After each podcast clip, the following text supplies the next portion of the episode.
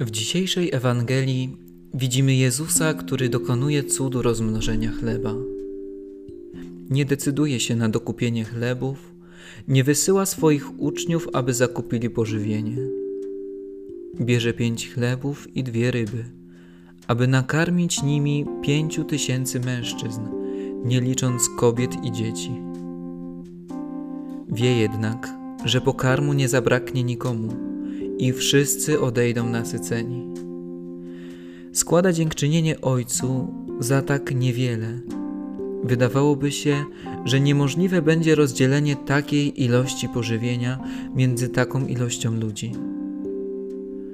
Dokonując tego znaku, Chrystus ukazuje nam nie tylko swoje bóstwo i cudotwórczą moc, ale pozostawia jasną lekcję tego, jak wiele w życiu człowieka może zmienić postawa dziękczynienia. Wielu z nas często odczuwa głód duchowy i pragnie go zaspokoić. Poszukujemy nasycenia najczęściej w tym, czego nie posiadamy, dążąc do tego z całych sił. Później jednak często okazuje się, że jedynym owocem naszych dążeń staje się frustracja i jeszcze większe wzmożenie głodu. Wedle dobrze znanych wszystkim słów, wszędzie dobrze, gdzie nas nie ma.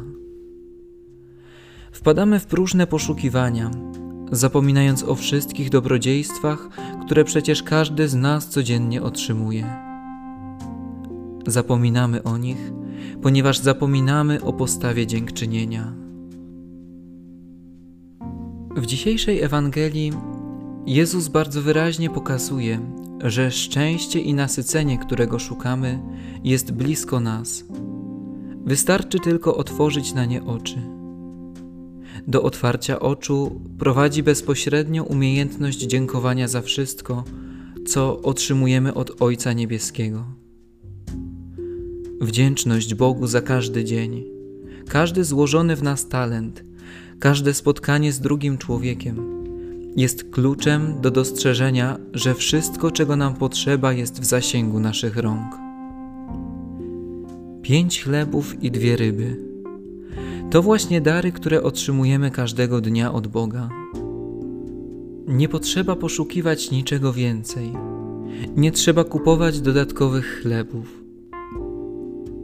Nasycą nas te, które otrzymaliśmy jeśli tylko zobaczymy je, z wdzięcznością otwierając oczy naszej wiary.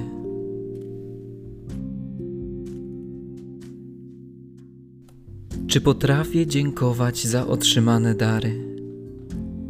Czy wierzę, że wszystko, czego mi potrzeba, Bóg już złożył w moje ręce i czeka, aż to odkryję?